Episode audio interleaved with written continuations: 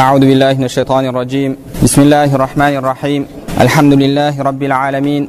والصلاة والسلام على نبينا وإمامنا وقدوتنا وقرة عيوننا محمد وعلى آله وأصحابه أجمعين. اللهم لا سهل إلا ما جعلته سهلا وأنت تجعل الحزن إذا شئت سهلا. رب يسر ولا تعسر رب تمم بالخير. رب اشرح لي صدري ويسر لي أمري واحلل عقدة من لساني يفقه قولي اللهم علمنا ما ينفعنا وانفعنا بما علمتنا وزدنا علما وعملا وتقا وإخلاصا يا رب العالمين أما بعد السلام عليكم ورحمة الله وبركاته biz o'tgan darslerimizda alloh subhanava taoloni qalauымен адамның нәпсісін тазалауда ақиретке дайындық көруде асығуға себепші болатын тағы бір амалды үйренуді бастаған едік ол өлімді еске алу пайғамбарымыз саллаллаху алейхи уассалам бұл дүниенің рахатын бұл дүниенің ләззатын кесетін тоқтататын жоқ ететін нәрсені көптеп еске алыңдар өлімді еске алыңдар деп бұйырған еді біз өткен сабақтарымызда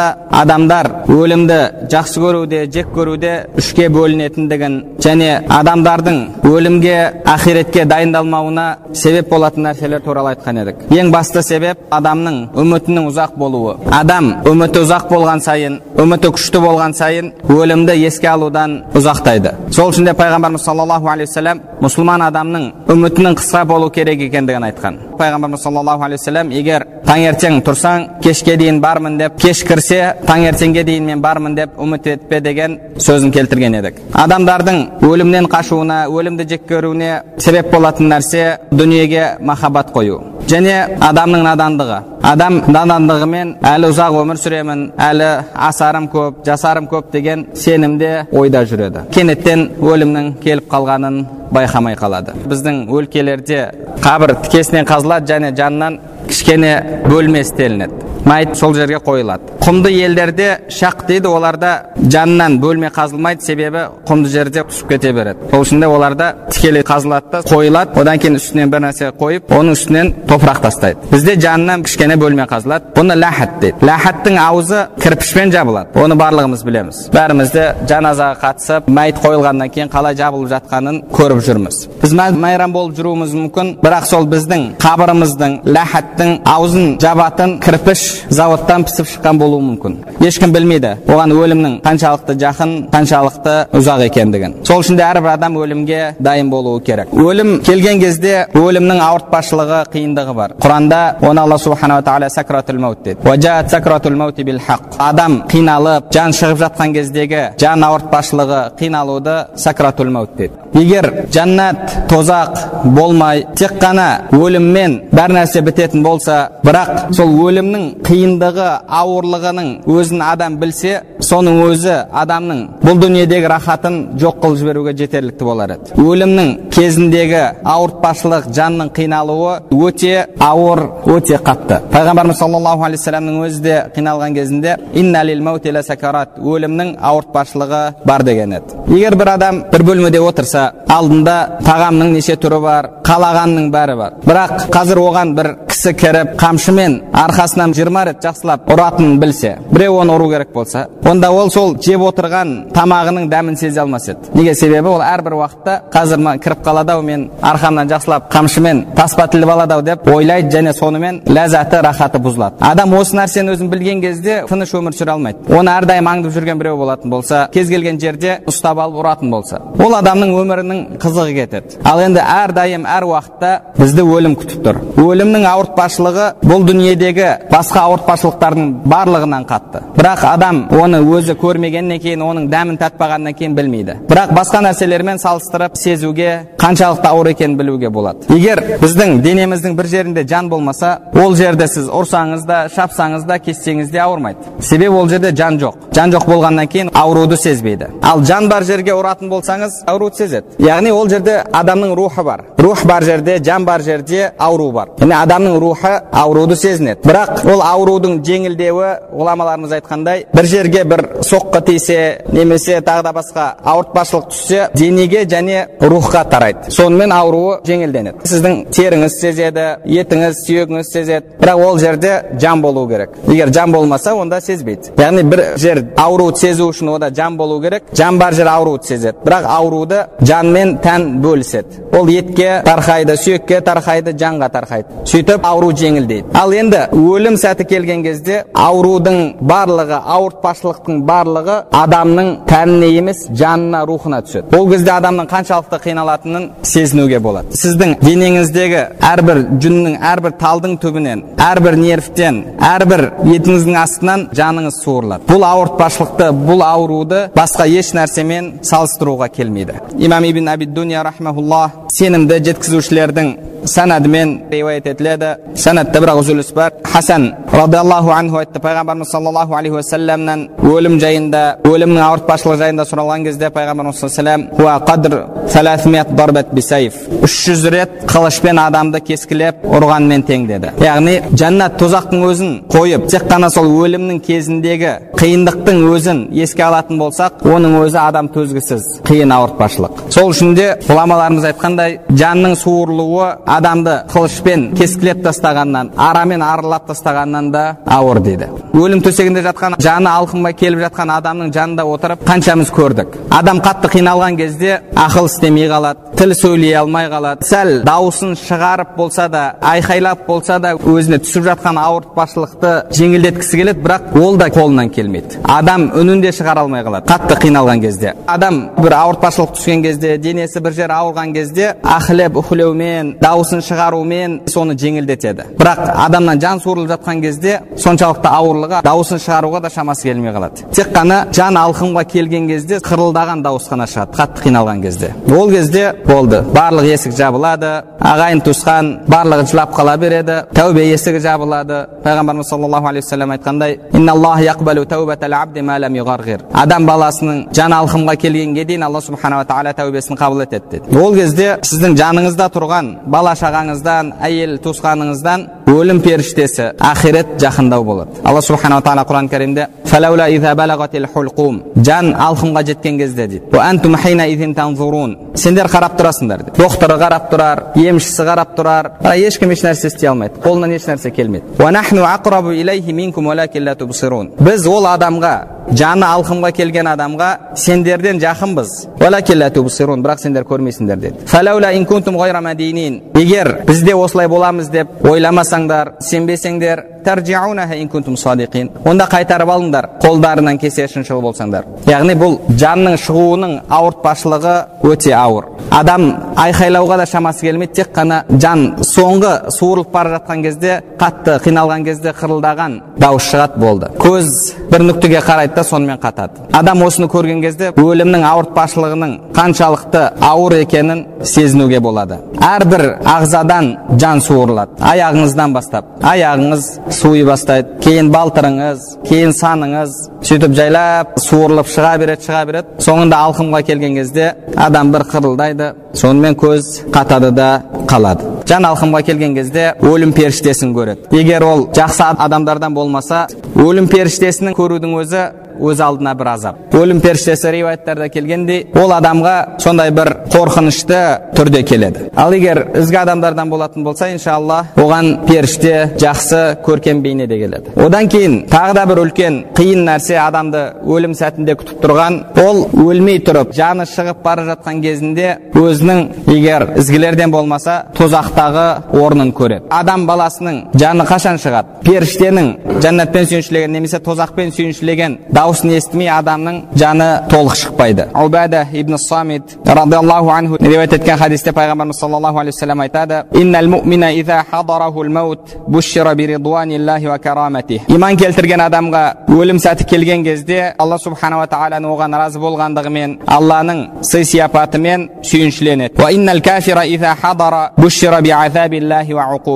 Ал кәфір адам өлім сәті келген кезде алла субханала тағаланың азабымен алла субханала тағаланың жазасымен сүйіншеленеді деді ол мәңгілік болған ақиретке кетіп бара жатыр ақирет есігі оған ашылып жатыр бірақ сол ақирет есігі ашылып жатқан кезде оған бұдан кейінгі халің мынау өлім кезінде қиналғаныңнан да періштені қорқынышты бейнеде көргеніңнен де ауыр бұдан былай сені азап күтіп тұр деген сүйіншілеуді есту өте ауыр нәрсе алла субханала тағала барлығымызды бұл нәрседен сақтасын имам хасан айтады لا راحة للمؤمن إلا في لقاء الله ومن كانت راحته في لقاء الله تعالى فيوم الموت يوم سروره وفرحه وأمنه وعزه وشرفه мұсылман адам алла субханала тағаламен қауышумен ғана рахат табады дейді кімнің рахаты жан тыныштығы алла субханала тағаламен қауышумен болатын болса өлім сағаты ол үшін қуаныш сағаты тыныштық рахат сағаты деді себебі ол қиыншылық бар бақытсыздық бар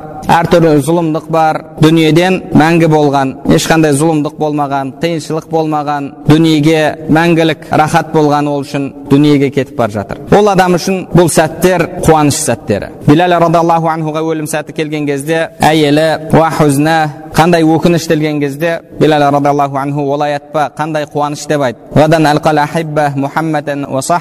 ертең мен өзімнің сүйген адамдарыммен қауышамын мұхаммедпен оның сахабаларымен қауышамын деген сөзді айтқан еді осман радиаллаху анху әлгі бүлік шығарғандар мешітті қоршап алып өлтірмекші болып жатқан кезде түс көреді түсінде пайғамбарымыз саллаллаху алейхи вассаламды көреді пайғамбарымыз саллаллаху алейхи вассалам ораза тұт бізде аузыңды ашасың деп айтады сонда осман радиаллаху анху ораза тұтады пайғамбарымыз саллаллаху алейхи вассалам жанында ауыз ашты бұл кісілер үшін өлім сағаты өлім сәті қуаныш рахат сағаты. Ал күнәһарлар үшін өлім сағаты ауыр сәттер. Бірақ одан кейінгісі одан да ауыр. Қанша ғұламалар қанша ізгі кісілер осы өлімнің ауыртпашылығын естеріне алған кезде сол өлім сағаты келген кезде біз немен сүйіншіленеміз қандай сүйінші келеді жәннат деп келеді ме немесе сүйінші тозақ деп келеді ме деп осыны ойлау ұйқысын қашырған алла субханала тағаладан қорқып жылауларына себепші болған ешкім мен жақсы халде өлемін деп өзіне кепілдік бере алмайды алла субханала тағала соңымыздың жаман болуынан сақтасын жақында екі ай уақыт өткен жоқ бір жігіт қайтыс болды бес уақыт намаз оқып жүретін ораза ұстап жүретін сабақтардан қалмайтын тақуалықтың барлық белгілерін ол жігіттен көретін еді қараған кезде шынайы мұсылман осы жігіт сияқты болса деген ойға келесіз алла субханала тағала басына бір екі қиыншылықтар жіберді сонда шайтанына еріп ішіп қойды дос айтады бір күні хабарластым кел отырайық сөйлесейік мәйітін жууға кірген жігіт айтып жатыр шақырдым кел сөйлесейік неге бұлай істеп жүрсің деп біраз әңгімелесейік деп звондадым мен қазір сендермен сөйлесуге көрісуге ұяламын мен бір бір айдың ішінде түзелемін қайтадан намаз бастаймын құдай қаласа бір бір айдың көлемінде бір айдан кейін жолығайықшы мен қазір сәл қисық жолда жүріп кеттім сендермен жүздесуге ұяламын деп соңғы сөз сол болды деді арада көп уақыт өтпей сол сөйлескеннен кейін әлгі жігіт қайтыс болды машинасы авария болды арақ ішкен мас халде көлігін жүргізген және жанында жеңіл жүрісті бұзық қыз бар деді екеуі де қайтыс болды қарап отырсаңыз қандай өкінішті қандай ауыр жағдай қанша намаз оқып жүрді қанша ораза тұтып жүрді білім мәжілістерінен қалмайтын басқаларды керісінше келіңдер бұл не істеп жүргендерің деп жанына жақындағандардың бәріне уағыздайтын бірақ алла субханала тағаланың қалауы соңы сондай қайғылы өкінішті нәтижемен бітті. Адам өзінің қандай халде өлетінін білмейді. Сол үшін де әрбір адам әрбір сәтте әрбір уақытта өлімге дайын жүру керек. Пайғамбарымыз саллаллаху алейхи вассалам неге қоштасушы адамның намазын оқыңдар? дейтін еді. Жаныңызда өлім періштесі күтіп тұр екі ракат намазыңды оқып бол мен қазір жаныңды аламын дейді. Сіз қандай халде тұрып намаз оқисыз? Әрбір намазың соңғы намазың сияқты болсын деді. Әрбір күнін осы соңғы күнімде өмір сүрсеңіз бір күн емес бір күні ойыңыз дұрыс болып шығады. Сол үшін де әр уақытта әр сағатта адам өлімге дайын жүру керек. Әлгі жігіт бір айдан кейін деп бір айға план жасап жатыр. Бір айдан кейін мен бүйтемін бір айдан кейін түзелемін деп. Ал бірақ сол бір айлық план жасап жатқан кезде онымен өлімнің арасында бірнеше күн тұрған еді. Кейде пландап жатамыз өлім мен біздің арамызда бір ақ сағат бірнеше минуттар ғана тұрады. Бір ғұлама айтпақшы адамдар өздеріне пландар құрады. Ал мына жақта ажал оған күліп тұрады деп. Ол білмейді. Біраз уақыттан кейін өзінің пәленше емес пәленше марқұм деген жаңа атау алатын. Сол үшін де пайғамбарымыз саллаллаху алейхи вассалам қабірлерді зиярат етіңдер қабірлерді зиярат ету ақиретті еске түсіреді. Адам ақиретті еске алып жүргеннен кейін бұл дүниенің уақытша дүние екенін сезіп жүреді. Адам уақытша дүниеде жүрген кезде ол жерде мәңгі тұратындай әрекет жасамайды. Уақытша жүрген адамның әрекетін жасайды. Сіз егер ұшаққа мініп басқа бір қалаға бармақшы болсаңыз сол қалада өмір сүрмекші болсаңыз басқа елде қалтаңызда ақшаңыз бар. Самолеттің ішінде ұшақта білесіздер сатылатын заттар болады. Каталогы бар басқасы бар сатылатын заттар болады. Дьюти фри дейді сіз ішінде барлық ақшаңызға зат алсаңыз да болады. Бірақ сіз ақыл иесі ретінде ол нәрсені істемейсіз. Неге? Себебі біраз уақыттан кейін сіз ол ұшақтан түсетініңізді білесіз. Және басқа жақта өмір сүретініңізді білесіз. Ол жақта қаражат сізге керек болады ақыл иесі ретінде қаражатыңызды сол барған жақта өмір сүруіңізге сақтайсыз. Ұшақтың ішінде уақытша бес алты сағат он сағат. Енді он сағаттық уақытыңыз үшін барлық ақшаңызды шашпайсыз ғой. Сіз бір үйді жалға алдыңыз бір ай тұрамын дедіңіз. Енді бір ай тұратын үйіңізге ақша шығарып ремонт жүргізбейсіз ол үйге шкаф шифонер сатып алмайсыз холодильник сатып алмайсыз. Себебі мен бір ай бұл жерде тұрамын бір айдан кейін кетемін деген ойда өмір сүріп жатсыз. Бұл дүниеде де адам уақытша екенін сезіп өмір сүрсе мәңгі қалатындай әрекет жасамайды. Мал мүлкі оны мәңгі қалдыратындай ақша жинап соған махаббат қоймайды. Ақша жинап оны санап сол ақшасымен бірге мәңгі қалатындай өмір сүреді кейбір адамдар. Адам қабірді зиярат етіп жүрсе өлімді еске алып жүретін болса бұл дүниенің уақытша қысқа дүние екенін сезеді. Үміті қысқарады. Үміті қысқарған кезде әрекетін жасайды. Ал егер үмітіңіз ұзақ болатын болса сіз әрекет жасамайсыз. Сізге бір қонақ келу керек бір жылдан кейін. Сізге ой дайындық көрейік десе сіз не дейсіз әлі бір жыл уақыт бар ғой дейсіз не қыламын қазірден дайындалып уақыт жақындасын сол кезде дайындаламын дейсіз адам өлімді ұзақ көрген кезде ол да сөйтеді. Мен әлі жаспын ғой құдай қаласа әлі қанша көретінім бар алдымда кейінірек тәубе етермін кейінірек намазымды оқимын кейінірек жақсы амалдар жасаймын сөйтіп ол шайтанның тәсуиф деген азғыруына түседі тәсуиф яғни кейінге қалдыру кейін кейін деп ертең тозақтағы адамдардың шыңғырған кезде де көп айтатын сөзі кейін кейін деген сөзден бізге өкініш болсын деп айтады неге себебі барлығы кейін кейін деп жүрген еді тәубесін кешіктірген еді алла субханала тағала құран кәрімде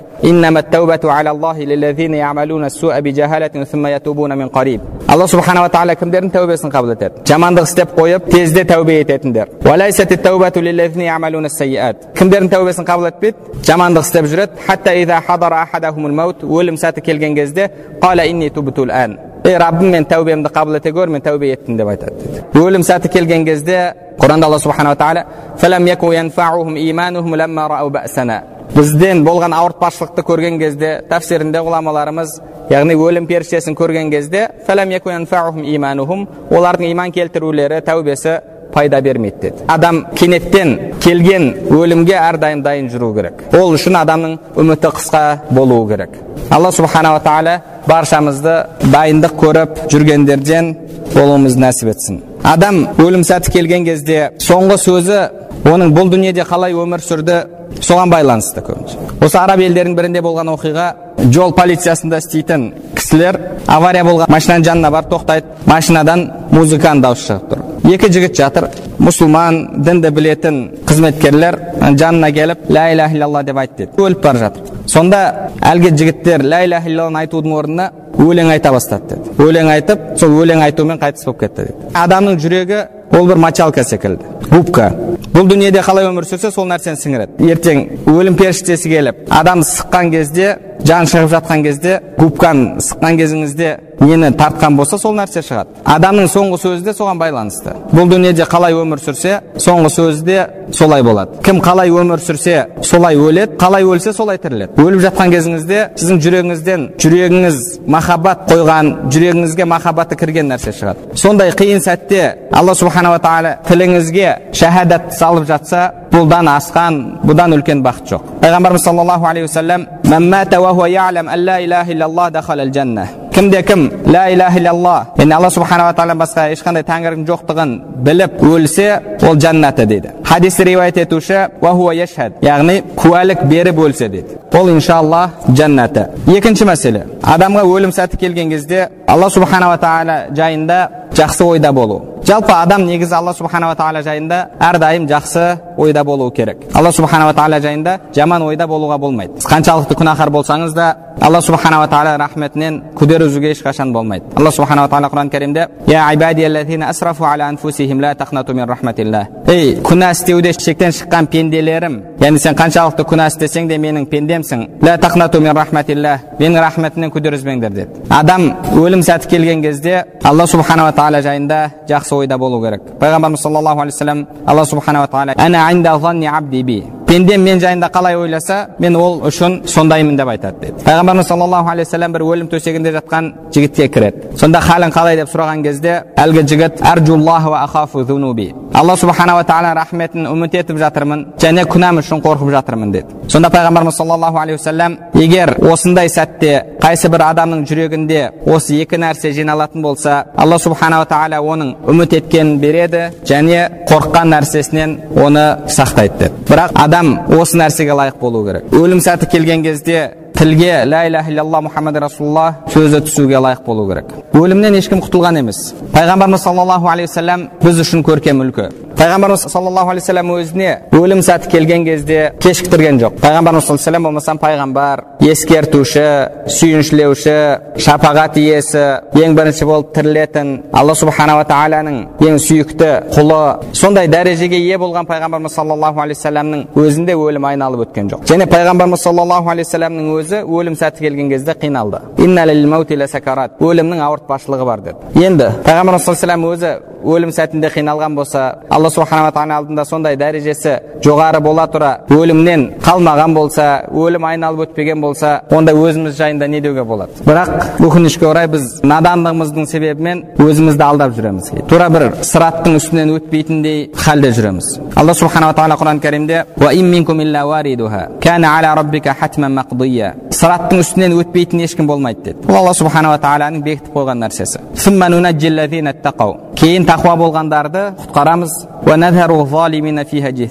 ал залымдарды тозаққа тастаймыз деді яғни әрбір адам одан өтуші әрқайсымыз сырат көпірінен өтетінімізді білеміз яғни аяғымыз сырат көпірінің үстіне қойылатынын білеміз бірақ өтіп кетеміз бе өтпейміз бе ол жайында ешкімге хабар берілген жоқ білмейміз бірақ алла субханала тағала тақуалар өтеді залымдар өтпейді деді біз кімдерге ұқсаймыз тақуаларға ұқсаймыз ба немесе залымдарға ұқсаймыз ба оны қалай білуге болады? Оны пайғамбарымыз саллаллаху өміріне қарап сахабалардың өміріне қарап тәбииндердің өміріне қарап білуге болады. Олар тақуалықтарымен бірге қияметтен тозақтың азабынан қандай қорқатын еді? Адам солардың өміріне солардың ақиретке деген дайындығына қарап өзін салыстырып көруіне болады. Ғұламаларымыз кітаптарында қайтыс болып жатқан кездегі адамдардың сөздерін келтірген кейінгілерге ғибрат болу үшін. Алдыңғы халифалардың бірі абдулмалик ибн маруан өлім сағаты келген кезде жұмыс істеп жүрген диқаншылықпен айналысып жүрген бір адамды көреді өз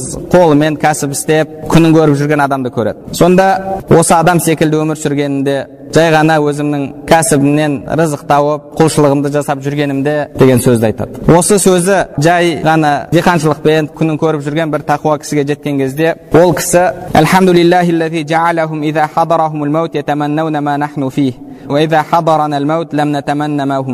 аллаға мақтау болсын деді. Оларға өлім сәті келген кезде біздей болуды аңсайды деді біздей болуды қалайды бізге өлім сәті келген кезде біз олардай болуды аңсамаймыз қаламаймыз альхамдулилля адамға өлім сәті келген кезде байлығы да мал мүлкі де пайда бермей қалады харун рашид рахмаулла қатты ауырған кезде өзінің кәфәнін яғни орайтын матасын өзі таңдап оған қарап тұрып аятты оқыған маған мал мүлкім дүнием жинаған патшалығым пайда берген жоқ патшалығым кетті жоқ болды деген аятты оқыған екен. Ол мың жерден патша болсын кафаннан басқа өзімен бірге еш нәрсе алып кете алмайды. Кафанның қалтасы да жоқ. Бір нәрсе салып алатын. Харун рашидтің баласы мәмун өлім сәті келген кезде өзін қымбат төсегінен алдырып топыраққа жатқыздырады. Топыраққа жатқыздырып ей патшалығы ешқашан кетпейтін патшалығы кетіп ешкім болмай қалған пендеңді рахметіңе бөлей көр деп дұға еткен екен. Болды өлім сағаты келді. Оның патшалығы да мал мүлкі де ең білгір дәрігерлері де ешкім пайда бермей қалған. Абдуллах ибн мубарак рахмаулла өлім сәті келген кезде көзін ашып күлімсіреп деген аятты оқыған екен. Амал етушілер міне осы нәрселер үшін амал етсін деген аят. Сол аятты оқып көз жұмды дейді. Ибрахим нахаи рахмаулла ол кісіге өлім сәті келген кезде жылады дейді. Жанындағылар неге жылап жаттыңсың деген кезде алла субханала тағаланың жәннатпен немесе тозақпен сүйіншілейтін елшісін күтіп жатырмын деген екен. Біз бағана хадисте оқып бергендей алла субханала тағала әрбір адамды өлім сәті келген кезде жәннатпен немесе тозақпен сүйіншілейді фудайли ибн аяд рахмаулла үлкен тақуа ғұламалардан ол кісі өлім сәті келген кезде бір есінен кетіп қайта есін жинаған кезде көзін ашып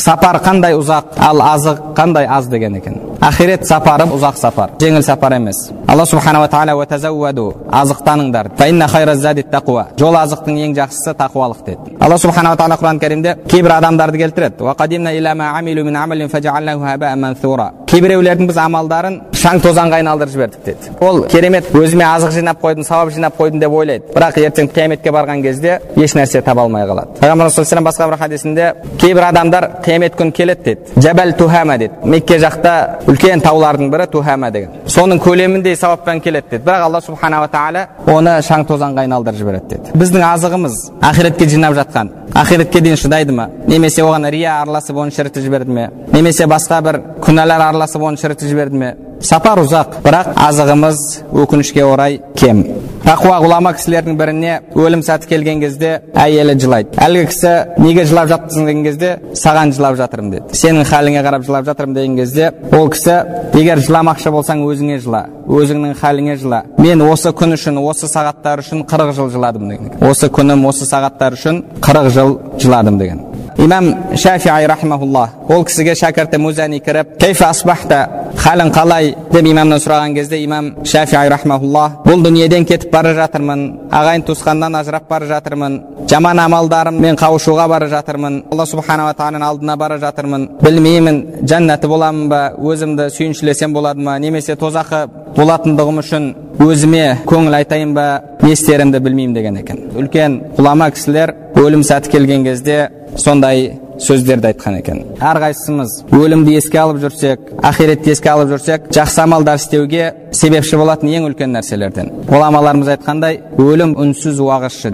Адам мәйітке қарап тұрып егер жүрегі өліп қалмаған болса қанша ғибрат алуға болады. Бірақ өкінішке орай біз қазір сондай халге жетіп қалдық. Қабір басында тұрып адам жерлеп жатамыз жаназада тұрып күліп ойнап тұрамыз дүниенің әңгімесін айтып тұрамыз біреулер темекісін шегіп тұрады ол өзі де ертең сондай болатынын ойлап жатқан жоқ ғұламаларды қарайтын болсақ ол кісілер қабірді көрген кезде қабірдің жанынан өткен кезде басқаша халде болатын еді біз алла пәленшіні рахмет етсін түгеншіні рахмет етсін деп қоямыз бірақ шынымен ойланып қарайтын болсақ өзіміз сол дұғаға мұқтажбыз бірақ оны сезінбейміз.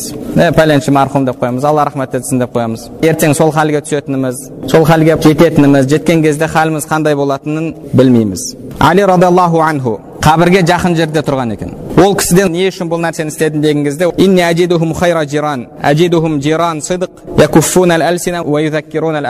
ең жақсы көршілер осылар екен деген. Тілін сақтайды тілімен артық еш нәрсе айтпайды бірақ әрдайым ақиретті еске түсіріп тұрады деді. Әрдайым ақиретті еске түсіріп тұрады пайғамбарымыз саллаллаху алейхи уассалам қандай да бір қорқынышты бір көрініс көрсем қабір одан да қорқынышты деген осман қабірдің жанына келсе жылаған кезде сақалы суланып кетер екен. Ол кісіден сұраған кезде сен жәннатты еске алған кезде жыламайсың тозақты еске алған кезде жыламайсың неге қабірдің жанына келген кезде жылайсың деген кезде пайғамбарымыз саллаллаху алейхи вассаламның айтқанын естіген едім. Қабір ақиреттің ең бірінші мекендерінен егер адам қабір азабынан құтылса кейінгісі одан жеңіл болады егер қабір азабынан құтылмаса кейінгісі одан да қиын деп айтқанын естіген едім деді пайғамбар саллаллаху басқа бір хадисінде қабір жәннаттың бір бақшалары немесе тозақтың бір шұңқырларынан деді имам мужахид рахмаулла адам баласы қабірге бірінші түскен кезде қабір оған айтады дейді. Мен құрт шаянның үйімін жалғыздықтың үйімін қараңғылықтың үйімін міне менің саған дайындағаным осы енді сен маған не дайындадың? деп айтады деді омар ибн абдулазиз рахмаулла бірде қабірстанға шығып қабірді зиярат еткен кезде жанындағы кісіге айтқан екен. Міне мынау менің ата бабаларымның қабірі. Олардың барлығы да адамдармен бірге рахаттанып өмір сүрмегендей міне халдері мынандайға жетті бірақ олар да осыны сезбеген еді дейді. Абдулла ибн асад радиаллаху анхудың шәкірті рабия үйінің жанынан қабір қазып қойған екен. Егер жүрегінің қатайып бара жатқанын сезсе сол қабірге кіріп жатады екен. Одан кейін өзіне өзі ей раббым мені қайтара көр мен жақсы амал істермін деп қияметке адамдар барған кезде тозақы болған кезде айтатын сөздерін келтірген аятты оқиды екен қайта қайта қайталап қабірден шыққан кезде ал міне қайтарылдың енді амалыңды жаса деп өзіне айтады екен шынайы ақыл иесі шынайы тақуалық иесі осындай халде өмір сүреді ол адам әрдайым өлімді естен шығармайды бұл дүниенің уақытша екенін біз ақирет үшін жаратылғанымызды есіне алып соған әрекет жасап жүреді ал егер керісінше болатын болса қаншалықты өмір сүрмесін өлімге дайындық көрмегеннен кейін ақиретке дайындық көрмегеннен кейін мың жыл өмір сүрсе де өмір сүрді деп айтуға арзымайды. Қашан өмір сүрді деп айтуға арыз еді егер алла субханала тағала бұйырғандай өмір сүрсек сол кезде өмір сүрді деп айтуға арыз еді бір ғұлама айтпақшы қанша адамдар бар? деді. Өлмей тұрып өледі деді. Өлмей тұрып өледі өлі адамдардың өмірін сүреді қанша адамдар бар? деді. Өлгеннен кейін де тірі жүреді деді. Ол әлбетте ақиретке дайындығын көрген адамдар. Алла субханала тағала бәрімізді сол ғафлатта болмаған әрдайым ақиретті есіне алып соған дайындық көріп жүрген адамдардан болуды нәсіп етсін. Алла субханала тағала бәрімізге өлім сағатындағы ауыртпашылықты жеңілдетсін қабір азабынан тозақ отынан сақтап жайларымызды иншалла жәннаттан етсін. Ертең жәннатта пайғамбарымыз саллаллаху алейхи вассаламмен бірге болуды пайғамбарымыз саллаллаху алейхи қауышуды нәсіп етсін.